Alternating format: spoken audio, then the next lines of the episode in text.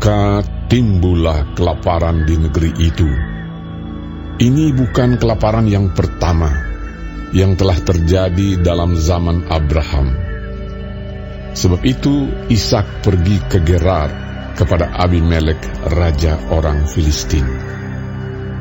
Lalu Tuhan menampakkan diri kepadanya serta berfirman, Janganlah pergi ke Mesir, diamlah di negeri yang akan kukatakan kepadamu. Tinggallah di negeri ini sebagai orang asing, maka aku akan menyertai engkau dan memberkati engkau. Sebab kepadamulah dan kepada keturunanmu akan kuberikan seluruh negeri ini, aku akan menepati sumpah yang telah kuikrarkan kepada Abraham, ayahmu. Aku akan membuat banyak keturunanmu seperti bintang di langit. Aku akan memberikan kepada keturunanmu seluruh negeri ini, dan oleh keturunanmu semua bangsa di bumi akan mendapat berkat, karena Abraham telah mendengarkan firmanku dan memelihara kewajibannya kepadaku, yaitu segala perintah, ketetapan, dan hukumku. Jadi tinggallah Ishak di Gerar. Ketika orang-orang di tempat itu bertanya tentang istrinya, berkatalah ia. Dia saudaraku. Sebab ia takut mengatakan, Iya, istriku. karena pikirnya, Jangan-jangan aku dibunuh oleh penduduk tempat ini karena Ribka, sebab elok parasnya. setelah beberapa lama ia ada di sana, pada suatu kali menjenguklah Abimelek, raja orang Filistin itu dari jendela. Maka dilihatnya Ishak sedang bercumbu-cumbuan dengan Ribka, istrinya. Lalu Abimelek memanggil Ishak dan berkata, Sesungguhnya dia istrimu. Masakan engkau berkata, dia saudaraku? Jawab Ishak kepadanya, Karena pikirku, jangan-jangan aku mati karena dia. Tetapi Abimelek berkata, Apakah juga yang telah kau perbuat ini terhadap kami? Mudah sekali terjadi. Salah seorang dari bangsa ini tidur dengan istrimu. Sehingga dengan demikian engkau mendatangkan kesalahan atas kami. Lalu Abimelek memberi perintah kepada seluruh bangsa itu. Siapa yang mengganggu orang ini atau istrinya, pastilah ia akan dihukum mati. Maka menaburlah Ishak di tanah itu, dan dalam tahun itu juga ia mendapat hasil seratus kali lipat. Sebab ia diberkati Tuhan. Dan orang itu menjadi kaya, bahkan kian lama kian kaya, sehingga ia menjadi sangat kaya. Ia mempunyai kumpulan kambing, domba, dan lembu sapi, serta banyak anak buah, sehingga orang Filistin itu cemburu kepadanya. Segala sumur yang digali dalam zaman Abraham, ayahnya, oleh hamba-hamba ayahnya itu, telah ditutup oleh orang Filistin dan ditimbun dengan tanah. Lalu kata Abimelek kepada Ishak, Pergilah dari tengah-tengah kami, sebab engkau telah menjadi jauh lebih berkuasa daripada kami. Jadi pergilah Ishak dari situ dan berkemahlah ia di lembah Gerar dan ia menetap di situ. Kemudian Ishak menggali kembali sumur-sumur yang digali dalam zaman Abraham, ayahnya, dan yang telah ditutup oleh orang Filistin sesudah Abraham mati.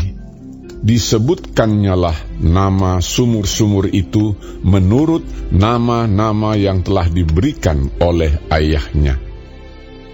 Ketika hamba-hamba Ishak menggali di lembah itu, mereka mendapati di situ mata air yang berbual-bual airnya. Lalu bertengkarlah para gembala Gerar dengan para gembala Ishak. Kata mereka, Air ini kepunyaan kami. Dan Ishak menamai sumur itu Esek, karena mereka bertengkar dengan dia di sana. Kemudian mereka menggali sumur lain, dan mereka bertengkar juga tentang itu. Maka Ishak menamai sumur itu Sikma. Ia pindah dari situ dan menggali sumur yang lain lagi. Tetapi tentang sumur ini, mereka tidak bertengkar. Sumur ini dinamainya Rehobot, dan ia berkata, Sekarang Tuhan telah memberikan kelonggaran kepada kita, sehingga kita dapat beranak cucu di negeri ini. Dari situ ia pergi ke Bersheba.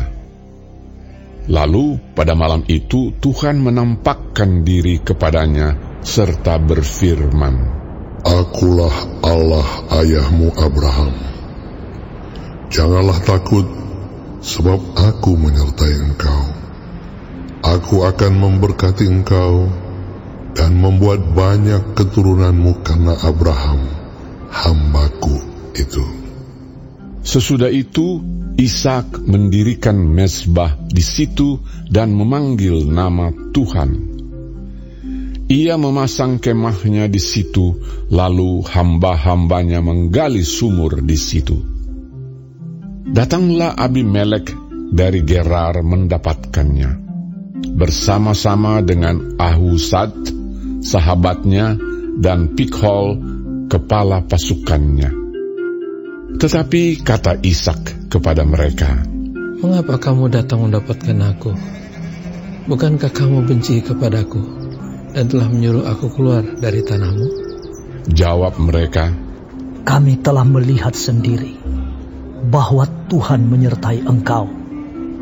Sebab itu kami berkata, Baiklah, kita mengadakan sumpah setia antara kami dan engkau.